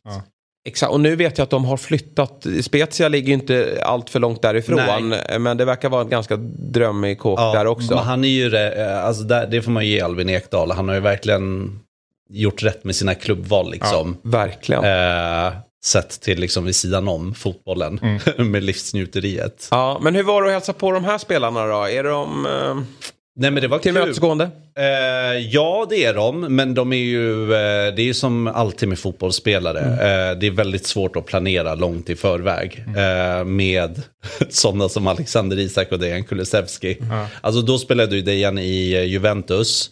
Eh, och då sa ju klubben nej och sådär. Så att vi fick ju liksom, han mässade några dagar innan och sa så här, ja men ni kan komma efter sista matchen för säsongen. För då kan inte klubben säga något. Eh, så att vi träffade honom eh, en måndag tror jag. eh, Dagen efter det, sista omgång. Han skulle till Sverige på kvällen. Så det blir så här lite stressat och det är svårt att planera. Man får liksom bara vara standby. Det kändes ju som att du var där under ganska lång tid. Ja, men det, nej, är, men vi är, ju- det är kort det är bra att fejka Ja. liksom, på tv. Eh, vi kanske var med dem två, tre timmar. Ja, det är inte mer. Ja. Alexander Isak var, Dejan var så här, men vi kan filma i lägenheten Mm. och allting, visa hur jag bor och så. Eh, Alexander Isak var lite mer så restriktiv, vi fick komma hem till honom, men han ville absolut inte liksom visa upp eh, huset. Det får man respektera också, så här, att eh, vissa värnar ju mer om så här, sitt privata. Ja, exakt. Eh, men det var väldigt kul att få- komma hem till dem och se hur de bor. Och det är ju alldeles strax eh, dags för landslagssamling igen. Sista matchen här. Mm. Ja, är ni taggade? Nej, au, Nej, shit, ja, alltså. jag, såg, jag fick upp någon eh, reklam, här, jag vet inte om det var på Twitter eller om Ja. det var på, på eh, Aftonbladet man inne, att det är ju, man kan köpa biljetter nu då till Sverige, Slovenien. Nej, men det är så kallt. Ja, det är iskallt. Men Det var- den är väl lite småviktig va? Ja, absolut. Alltså jag kan säga så här, nu har jag bevakat landslaget i några år och senaste samlingen, ja, men det var nog den deppigaste på länge. Ja. Den var ju parodisk. Eh, dels var det ju fyra matcher för att de tajtade till spelschemat här i höst med VM och allt, men alltså så som det såg ut, spelarna som kallades in, bara, Ja, nej, vad men- är det här för nivå? Ja, nej. Man- Januariturnén i ja, juni. Ja, nej, men Ja. verkligen. Och sen när man satt där i Oslo, sista matchen mot Norge, och det såg ut som det gjorde, då Mm. var det så här, men, nej, det här är fan pinsamt. Och ni vet hur så här äckligt självgoda norrmännen blir Ja, också. ja. Fy fan. Vi hade ju den diskussionen innan du kom här Ja. gällande Haaland och att kan man glädjas med hans framgångar? Nej. Nej, du, du är, du är. Du är. Ja. Nej men jag skojar. Alltså det är kul att se honom, absolut. Det är ju en klassspelare. Men det jag blev så här, så som han betedde sig på den samlingen, Haaland. Och hur alla norska journalister bara köpte det. Det var inte en Zlatan betedde sig under, Så. nej, så under sin prime.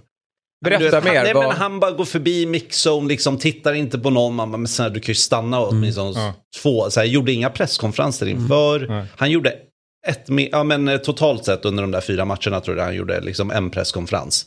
Eh, och det dumma med de norska journalisterna, de bara köpte läget. Eh, nej, det var så himla konstigt. Sen är så här, Haalands problem tycker jag i intervjusituationer är att han går in i någon konstig roll där han ska försöka leka skön och rolig och vara så här kaxig. Zlatan lite alltså, Zlatan. Ja, Ja. Men han är genuin. Exakt, men det är inte Haaland. Så det blir bara konstig stämning under de intervjuerna. Ja, ja. Eh, men sen det är ju ett monster. Alltså ni ser ju vilka mål. Eller det, det är ju enkla mål han gör, men det är ju imponerande Precis. att han befinner sig på rätt plats hela tiden. ja. Ja, men det märks ju att Haaland har en annan bakgrund. Alltså, han är ju Ja. foster, alltså, han, han kommer ju från pengar får Ja, man ju ja, säga verkligen. någonstans. Ja. Och är liksom har blivit fostrad till en elitspelare Ja. från eh, första början. Så är det ju. Zlatan glömmer ju ändå inte någonstans Nej. sina rötter. Vilket jag tycker är härligt med honom. Jag fick ju höra en, en kompis som berättade om eh, en kompis till honom som var nere i Marbella. Ja. Och så satt han, såg han Haaland sitta eh, på en restaurang. Och då eh, kliver han fram. Och, och det kan man väl säga saker om. Att man kanske inte ska störa eh, spelare när de sitter och, och äter. Men han bad om en, en bild då. Ja. Och då sa Haaland bara dra åt helvete. Nej, är det Jo, ja. sant? För att han sa det på svenska så han bara svarade dra åt helvete. Och det vet man ju att Zlatan har ju varit Han hade aldrig sagt han är det. väldigt noga med att Ja. alltid ställa upp på bild Ja, gud, oavsett ja. läge. Ja. Och det tycker jag har något. Ja, Det är så viktigt. Är det ju. Verkligen. Hörni, vi har ytterligare ett samtal innan vi går vidare i våra diskussioner. Vi ska nämligen ringa upp Fredrik Lindstrand som är krönikör på Sydsvenskan eh, för att prata lite Malmö FF. De har ju ny tränare igen. En nygammal Ja, röst är tillbaka. Finns du med oss här Fredrik? Jag finns med er. Ja men trevligt. Tjena Fredrik. Berätta lite vad som händer i Malmö FF. För det är vi här uppe i Stockholm lite småglada över men också förvånade över. Ja, det kan man väl säga att man själv är lite förvånad över när man, om man skruvar tillbaka tiden några månader när MFF fick in i den här säsongen så hade man ju väldigt svårt att se det här hända. Eh, man kan väl säga att det är en kombination av väldigt många saker som har gått fel på ungefär samma gång. Eh, för att vara kortfattad i det hela. Det blev ju en, en, en väldigt, väldigt tuff start med de här skadorna i våras. Det går liksom inte att komma ifrån dem. Även om, de, även om de själva inte skulle säga att hänga upp och förklara säsongens misslyckande på dem så går det inte att komma ifrån dem. Att få så pass tunga skador på så pass betydande spelare. Laget fick ju lida för det, dels på kort sikt eh, med den här tunga perioden när de mötte alla Stockholmslag där. Det var väl tre matcher i huvudstaden på två veckor har jag för mig och det gick inget vidare. Där, där förändrades mycket av säsongen. Det är inte bara att spelarna är borta just för en specifik match utan det tar ju lång tid att hitta formen och att åter, återbygga taktiken kring de här spelarna som har varit borta. Mm. Och eh, alltså, min syn på Malmö FF är ju att man, man har, ju- det är inte första gången det är lite tränarrullians i Malmö FF. Det har det ju varit under ganska många år. Men att man hela tiden haft en, en kontinuitet på ledarsidan. Och det har man ju. Det är ju Daniel Andersson där. Nu är Georgsson tillbaka men han har ju varit i klubben tidigare. Och som jag förstår det också en, en ganska stabil styrelse där. Och, och sen framförallt då en, en trupp som hela tiden är uppdaterad och motiverad. Men just det här sistnämnda med en uppdaterad trupp. Eh, känner du precis som jag att den har passerat sitt bäst före-datum? Ja, det gör jag ju. Eh, och där ligger ju också en stor förklaring i det. Jag brukar ju säga det att Alex Ferguson var ju expert på att veta när han skulle liksom ta avsked av eh, fundamentspelare i, i klubben för att satsa på yngre. Där, där borde väl kanske Malmö FF, och det är lätt sämre på oss i hand förstås, men där borde de kanske sett varningssignalerna förra hösten. Det var mycket lårskador, muskelbristningar etc. på spelare som var borta. Och liksom, det har ju lite hängt i även denna säsongen. Eh, och sen också, de har ju vunnit så otroligt mycket. Det var både Champions League och Allsvenskan i fjol. Det, det, det, och det är ju svårt att ta mått på, på det. Hur mätt är en trupp? Det kan man inte veta i december hur, det, hur känslan ska vara i april nästa år alla gånger. Men där hade kanske mer behövt göra lite nytt blod, komma in. Eh, och där fick man kanske lite, också lite lida över att man, man hamnade i en, en tränarrekrytering på vintern istället för att kanske syna truppen så mycket som man hade behövt göra. Colak drog ut på tiden till exempel och Isak Estelin kom in sent. Var han rätt spelare för den fotbollen Milos Milojevic ville spela med klubben? Det, det är liksom den typen av frågor som kommer in. Men, men känslan här nu då, Åge Hareide tillbaka en, en tredje vända. Alltså Åge som hade gjort en Roy Hodgson här och, och gått i pension. Han sa att han inte skulle träna någon klubb mer. Men så ringer Malmö FF och då förstår jag att eh, det är ett svårt läge att, att tacka nej. Men eh, riskerar han inte ganska mycket av sitt legacy här? Eh, bara, bara rätta sig, det är hans andra vända. Ja, det är andra vändan. Bara varit, Okej. Men han var i Helsingborg innan det, så ni kanske, ni kanske lätt för er i Stockholm att blanda ihop de här skånska. Ja, men det är väl det vi gör. Ni är i samma klubb. Nej då, jag ber om ursäkt. Exakt. Nej, ingen fara. Eh, eh, ska vi se. Nej, jag tycker inte att han har... att Han, det, jag skulle snarare säga att, det, att läget är precis tvärtom för honom. Han har ingenting att förlora på detta. Han fyller 69 här om två veckor och kommer liksom in från pensionen med... Har, liksom, han har ju någon slags ikonstatus i klubben. Det här kommer inte sudda över hans... Eh, det faktumet att han tog Malmö FF till två Champions League-gruppspel och ett SM-guld. Alltså, ingen kommer skylla på honom om den här säsongen, om han inte lyckas nå topp tre eller om MFF inte når de tre bästa platserna i sin Europa League-grupp de misstagen har begåtts tidigare under säsongen av andra personer än honom. Han kommer liksom inte... Det, det är ju nästan omöjligt i det här läget att, att, faktiskt göra MFF sämre än vad man har varit. Det, det kommer man inte kunna göra. I, I, värsta fall så lyckas han inte lyfta klubben utan man fortsätter puttra på ungefär som man har gjort. Och det kommer han inte få någon som helst skuld för. Och det blir väl ganska stort fokus på Europa här också, vilket ju han har varit eh väldigt lyckosam med tidigare. Eh, man känner ju verkligen att han, är, han har egenskaperna för att kunna vinna den här typen av eh, fotbollsmatcher som är annorlunda gentemot allsvenskan. För allsvenskan tror du fortfarande att det liksom, man någonstans internt tror att det är möjligt att utmana om ett guld?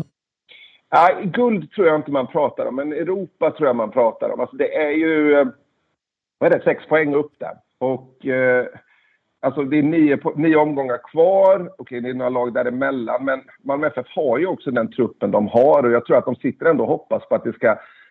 Att de här spelarna ändå ska ta sig samman och kunna prestera det många förväntar sig att de ska kunna prestera. Så, så den förhoppningen tror jag fortfarande finns i klubben och den gav ju Areide också uttryck för på presskonferensen.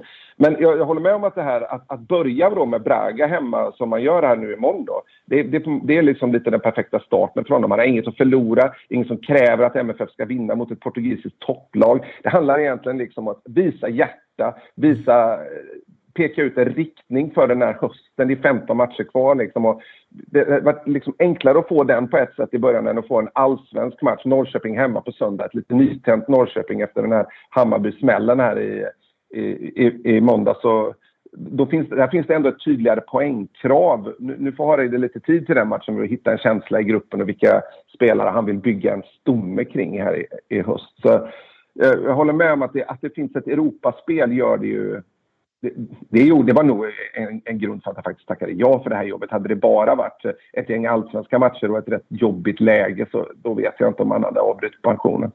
Nej, precis. Eh, en man lider lite med här det är ju Andreas Georgsson som kastas in och får ju, eller kastas in, han är ju sportchef så han har väl varit med och fattat det beslutet. Men jag fick lite känslan av att han fick lite mer smak på det här tränaryrket och han hade väl för avsikt att eh, åtminstone sitta kvar året ut.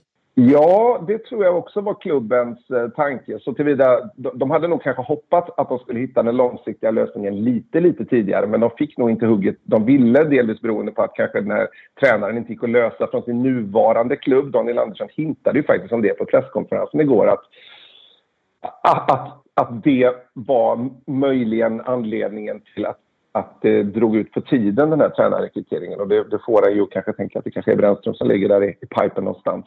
Men, eh, nej men absolut, jag håller med om Georgsson. Det är ett enormt fotbollskunnande, han har ett stort MFF-hjärta och han ombeds då eh, att, att ta laget i ett väldigt svårt, i, i ett svårt läge liksom. Han tackar ja för den typen av, av människa är han. Och, alltså, herregud, vill man vara tränare, det är ju skitkul att träna Malmö FF liksom. Mm. Lyckas man så då har man ju, då har man ju en härlig start på, på, på den karriären så att säga.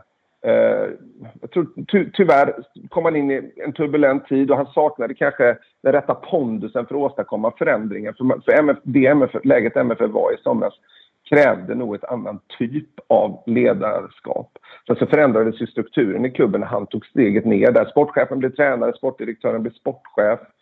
Sen så låg det väl någonstans i bakgrunden någon slags misstanke om att styrelsen hade haft väldigt mycket att säga till om när Milojevic skulle, skulle gå. Och att det kanske är mer till den historien än vad som sipprat ut. Hur, mm. hur jag kan liksom inte underbygga detta med några fakta egentligen, för det har räckt ut ganska lite. Men när man hör hur folk uttalar sig kring den här affären så det, finns det lite i bakgrunden att Milos kanske någonstans hade på känn att Röda Stjärnan låg där i bakgrunden, att det alternativet kanske fanns. Igen hade han någonting som lockade. ja, men, ja, och, som sagt, det här är liksom... Det här, det här är ju väldigt, det här är ju spekulationer från min sida, men jag tycker liksom inte... Jag tycker på sättet man har uttalat sig så är det man får känslan av att det är mer till den där historien än vad som har sagts. Tycker du där och då att det var ett korrekt beslut? Jag tycker, det beror ju förstås på vad, vad Milos ville själv, men jag tycker att, och det är såklart också lätt att säga med facit Jag tycker att de skulle få fortsätta. Jag blev överraskad att man inte hade större förtroende för honom. När, när Milos Miljevic gick så var MFFs poängsnitt under sommaren, alltså, alltså efter uppehållet då, 2,4 eh, poäng i allsvenskan. Man var tre poäng från, att, eh, från första platsen. Mm. Och med Georgsson så sjönk det till 0,8 och guldet är kört. Så det är ju ganska lätt att säga att ja, han borde nog fått fortsätta där. Ja, intressant. Du, eh, stort tack Fredrik för att du ville gästa Lördagsmorgon. Kul att få vara med. Fotbollsmorgon. Så jag lördagsmorgon? Nej, men det är inte en siffra rätt. Jag är för trött. Vi drar igång för tidigt här. Fotbollsmorgon heter programmet. Ha det så bra Fredrik så ja, hörs vi längre fram. Vi får summera ja. säsongen efteråt så får jag hålla koll på ja, dels var du kommer ifrån men också hur många gånger Åge har varit i klubben. Precis, precis. Jag håller koll på telefonen så länge. Strålande. Ha det bra. Ja, inte riktigt lördag ännu. Nej. Men lillördag är det ju. Ja, verkligen. Vi får börja där. Mm. Är, är ni förvånade över Malmö FFs kräftgång? Kraftgång är väl eh, lite mer förvånad över. Eh, också väldigt förvånad över just Åge Hareide det här. Det är gott för, alltså, om man tänker så, så hur, hur diskussionerna och ryktena började efter Milos fick kicken. Var liksom, först var det Ljungberg, sen var det Brännström och man tänkte att så här, eh, jag tycker att är det någonting som Sverige nu ska börja fokusera på så är det bara att producera och exportera unga lovande mm. tränare. Det måste på något sätt bli något nytt fokus framåt. Att Malmö kan ju bli den trampolinen. Så jag tycker det var väldigt spännande med då Ljungberg och Brännström, kanske fortfarande blir Brännström. Ja. Eh, men att då gå till Åge Hareide känns ju... Fast i det här läget förstår jag varför de tar in Åge. Ja, nu, nu, nu är de ju desperata. Ja, alltså, nu ja. behöver de stabilitet. Mm. Någon som känner till klubben, någon som kan komma in med väldigt kort varsel ja. och ändå sätta sin prägel på det. Så att nu, men som han säger, för mig är det obegripligt att de sparkade Milos där och då när de inte hade en bättre långsiktig plan. Alltså en sån klubb som Malmö förväntar mig sig, okej, okay, ja, men då har de klart med en ny tränare. Mm. Men när de har låtit det gå, de har ju kastat bort sin säsong själva. Mm, mm. Eh, ja, och det... Eh, Malmö, jätte, liksom, fantastiska förutsättningar och, ja. och, stor kassa. Men att missa Europaspel nästa säsong, det, det svider ju rejält. Ja, med den breda truppen också. Mm. Eh, så att det blir väl så här, ja men då måste de ju vinna Svenska Kuppen mm. för att ha, ha någon chans. Och nu kan men. de ju det. Eh, bevisligen ja, då. De ja, hade ju problem precis. länge men det kommer bli väldigt stort fokus. Sen tycker jag också att Malmö måste återgå lite till att börja slussa upp sina egna spelare. Ja, den här ålderstigna truppen. den det, känns mätt. Den känns den, ju mätt, verkligen. AC och, och um, Toivonen har ju haft sina skador och Berget. Kiese och... har inte alls eh, kommit till sin fulla rätt liksom den här säsongen. Har inte kommit in i deras spel mm. riktigt. Mm. Nej. Uh, så nej, det ska bli intressant att se dem nu i Europa. Där verkar det ändå hända något med spelarna. Ja. Men det gör ju det. Ja. Vilket eh. någonstans kanske inte är jättekul som Malmö-supporter heller nej. att se. Att man inte kan tagga till i allsvenskan. För Europa är ju en fantastisk krydda och det är där man skapar förutsättningar för att bli framgångsrika. Ja. Men herregud, SM-guld är ju ja, alltid ja, mm. tyngst. Mm. Och det har de ju sumpat där. Ja, mm. så är det. Eh, allsvenskan i övrigt då, vad känner du inför eh, spurten? För du följer ju den ligan nära ja, också. Eh, nej men det ska bli väldigt kul. Mm. Det är ju mm. den allsvenska hösten man alltid ser fram emot och ja, men det kommer ju bli jämnt. Det är ju, det är ju fyra, fem lag som nästan har chansen att vinna här. Mm. Eh, så att det ska bli väldigt kul. Eh, det känns ju spontant som att Häcken kommer gå hela vägen. Mm. Om inte Jeremejeff skadar sig eller någonting. Eh, Djurgården, hade de inte haft Europaspelet så hade jag satt Djurgården. Mm. Tveklöst. Eh, ja, Hammarby, ni såg mot Norrköping. Mm. Lite kalla fötter kanske, jag vet inte. Mm. Någonting var det ju. Uh, nej men Häcken känns ju verkligen som att de mm. kommer Nu fick de vägen. den här lilla, alltså så här, ett lag kan ju inte gå rent hela vägen. Nej. Nu fick de en liten näsbrännare här. Ja. Och kanske att de, de steppar upp och Det var tufft motstånd. Precis, mm. ditt kära Degerfors var där mm. och Jajamän. luggar dem. Vi, vi löser guldstriden här, det är vi som fixar det. Ja, precis. Ja. Nu är det väl dags för kvällens höjdare va?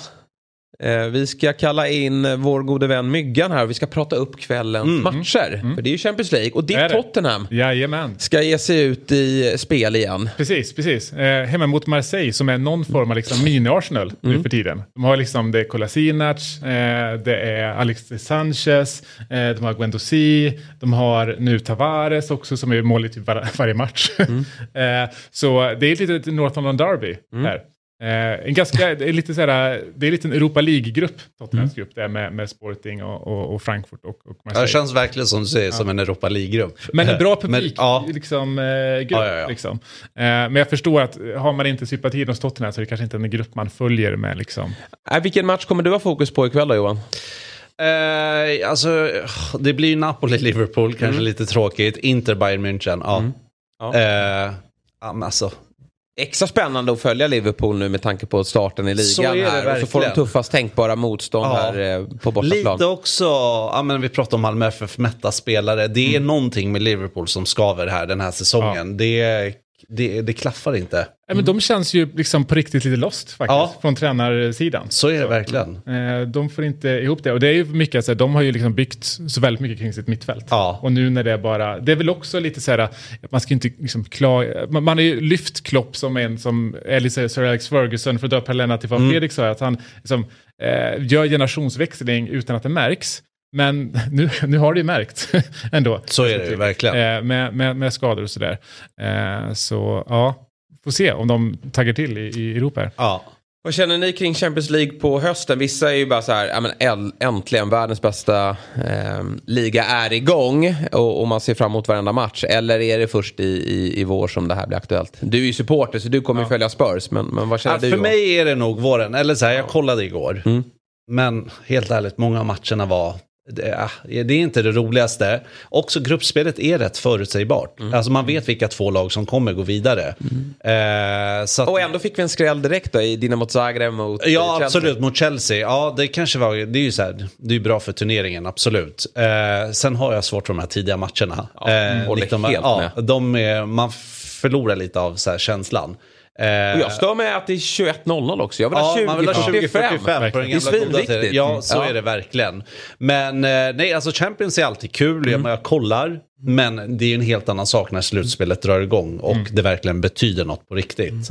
Eh, vi har liksom omgång fem och sexen i gruppspelet som är, ja men där är ju nästan allting avgjort. Så att, eh, Ja, men faktiskt. Nu är det ju annars, det är skrällar man, man lever för. Jag tänker också Shakhtar. Ja, den var ju Eh, fin. Ja, Eh, har gått från att ha liksom, liksom er- elva brassar på plan till att bara vara liksom inhemska spelare. Precis. Men ändå tvåla dit eh, Leipzig Ja, på bortaplan.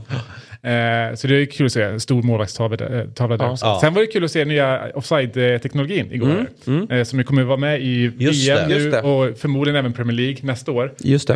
Eh, som verkligen kändes som ett, eh, det kändes som en lite succé direkt Ja, för den. det där bör nog kunna bli bra faktiskt. Ja, eh, Och att det går snabbt, för Ja, det är det som är problematiken. Och det Exakt. man är rädd för när, eh, när det väl tar sig in på svenska arenor, att man inte Ja. kan jubla över målen. nej, så är det ju. Men främst är det Premier League då du följer utöver Ja. allsvenskan? Eh, ja, jag skulle säga Premier League, Allsvenskan och Champions. Mm. Eh, kolla ibland Serie A, alltså kolla, såg Milano-derbyt Ja. här. Eh, La Liga, inte jättemycket faktiskt. Måste Nej, vara en riktig supermatch. Men det är för mycket. Alltså, så här, det, om jag ser fyra, fem Premier League-matcher en helg, så man har inte riktigt tid att se allting heller. nej. Nej. Eh, det är svårt. Nej, eh, så är det. Du Johan, vi ska tacka av dig. Yes. Mm. För vi, du ska byta plats här med Myggan, vår eh, spelexpert. Jättekul att ha dig med. Jag hade gärna velat fråga lite mer om din relation till Janne Andersson och så, men jag känner att du får komma tillbaka. Ja, absolut. Vi har ju en Eh, landslagssamling här om några veckor. Ja men att vi får exakt, då kan, vi väl, kan du väl komma här. hit Ja. eh, efter det. Absolut. Så får du komma vid åtta så att du Yes. inte är för trött. Så, så, så trött som jag är.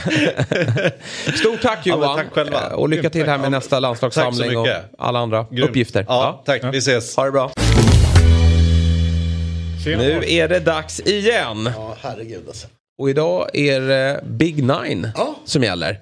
För det här kvällens höjdare görs ju i samarbete med Telia och ATG. Ja. Och det är kul med Big Nine för vi, vi kör ju vårt eh, program på helger, Eurotalk Weekend. Och då Ja. pratar vi upp helgens kupong. Men nu har vi en veckokupong. Ja, verkligen. Vilket är skitkul och jag gillar ju verkligen det här spelet. För det är ju lite, men det är ett eh, nytänk från ATGs sida. Och det är lite olika eh, varianter. Eh, alltså dels ska man inte sätta, rätt tecken såklart. Ja.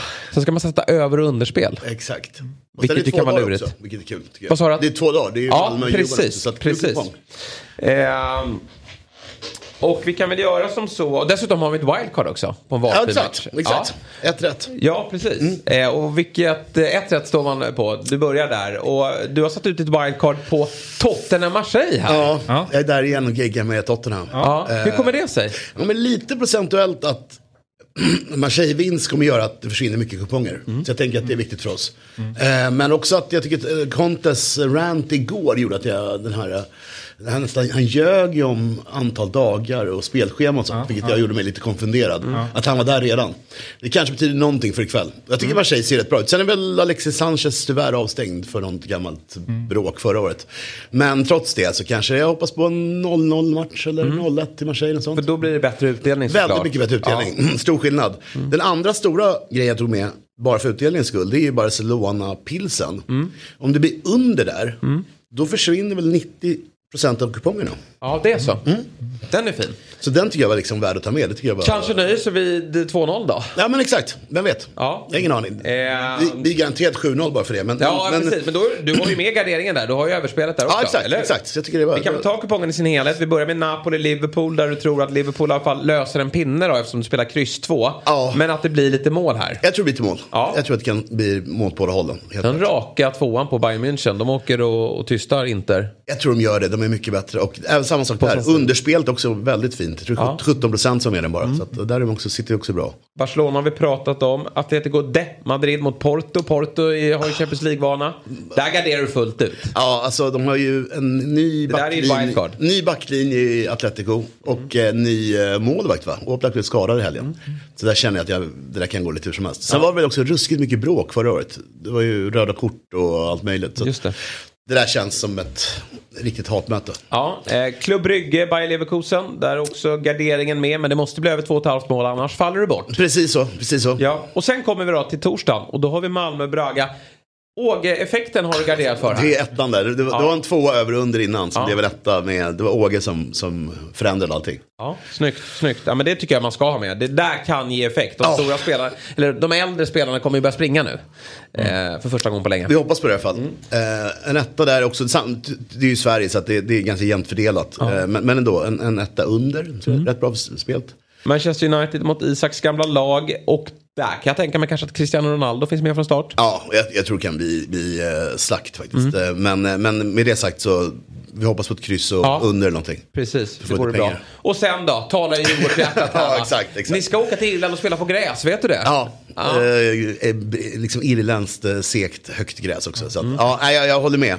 Men med det sagt så formen de är i och någonstans så ska vi, eh, tror vi löser det där. Jag tror derbyt kan bli jobbigare på, på söndag. Jag tror det här kan bli, tre Ni går för Europa nu. Ja, exakt. exakt. Ja. Eh, men eh, tyvärr, ja, samtidigt med Sverige då, Djurgården är rätt överstreckade där också. Så vi hoppas på två under tror jag, för procenten. skull. Men de kanske nöjer sig där. Du vet, börjar plocka av spelare vid 2-0 ledning och så eh, satsar de på derbyt. Ja, det låter ju underbart. Ja.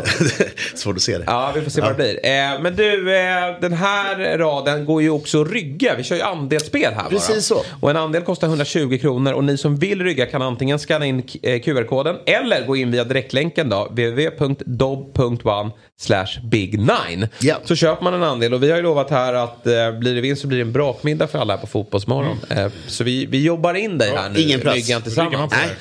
Eh, Så glöm inte att eh, det är bara att kliva in där och, och rygga. Ni måste vara 18 år för att få spela och upplever ni problem med ett spelande så finns ju stödlinjen.se till hands. Och de här Champions League-matcherna, ja men de går ju att se på uh, Telia och Simor. Exakt så. Eh, underbart. Vilken match ska du se ikväll då? Det blir Det Liverpool, blir Liverpool såklart. tyvärr Ja. alltså. Vad Men- känner du kring eh, statusen kring Liverpool? Nej, men jag, jag, tror, jag tror det kan varvas upp. Alltså, jag, jag, känner, jag är inte lika stressad som de andra. Jag tycker Nej. det är ganska skönt. De andra tappar ju poäng Ja. konstant. Precis. Och eh, vad är det, 15 november det slutar, första vändan.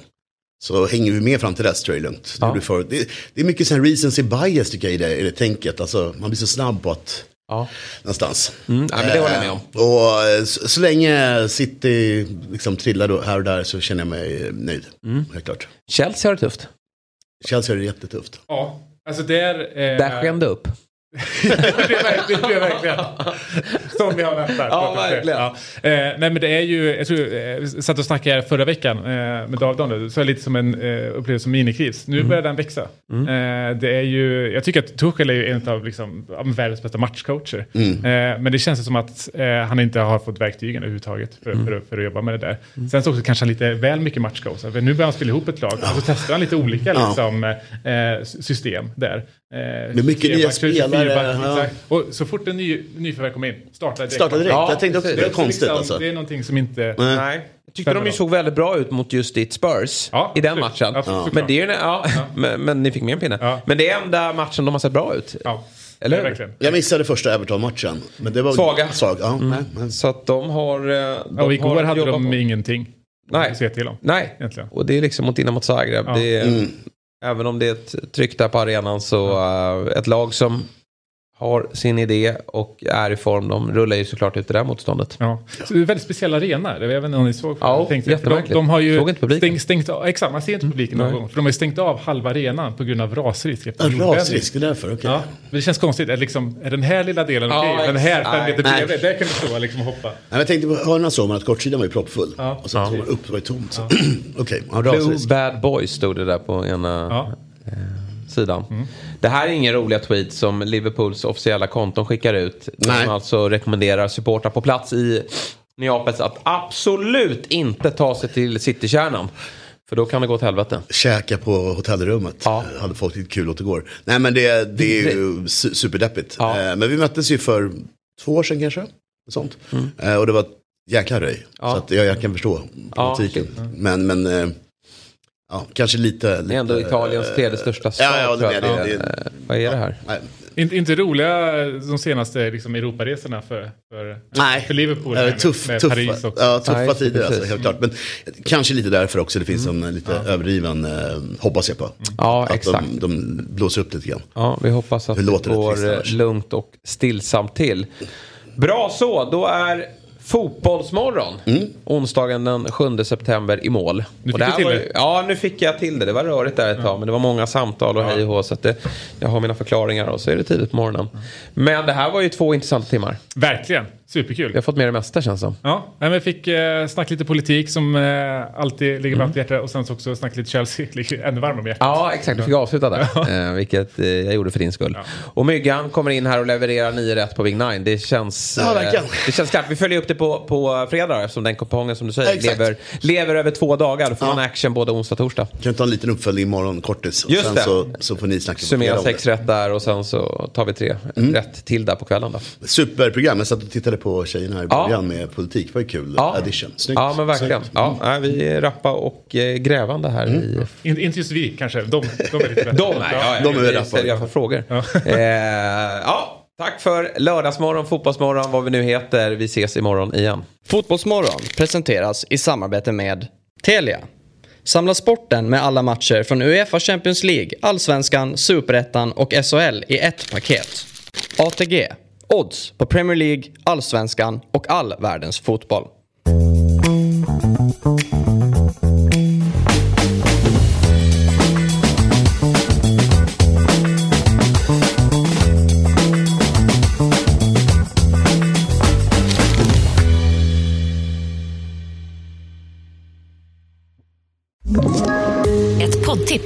Podplay. I podden Något Kaiko garanterar östgötarna Brutti och jag, Davva, dig en stor dos skratt. Där följer jag pladask för köttätandet igen. Man är lite som en jävla vampyr. Man har fått lite blodsmak och då måste man ha mer. Udda spaningar, fängslande anekdoter och en och annan arg rant. Jag måste ha mitt kaffe på morgonen för annars är jag ingen trevlig människa. Då är du ingen trevlig människa, punkt. Något Kaiko, hör du på Podplay. Därför är gardinerna.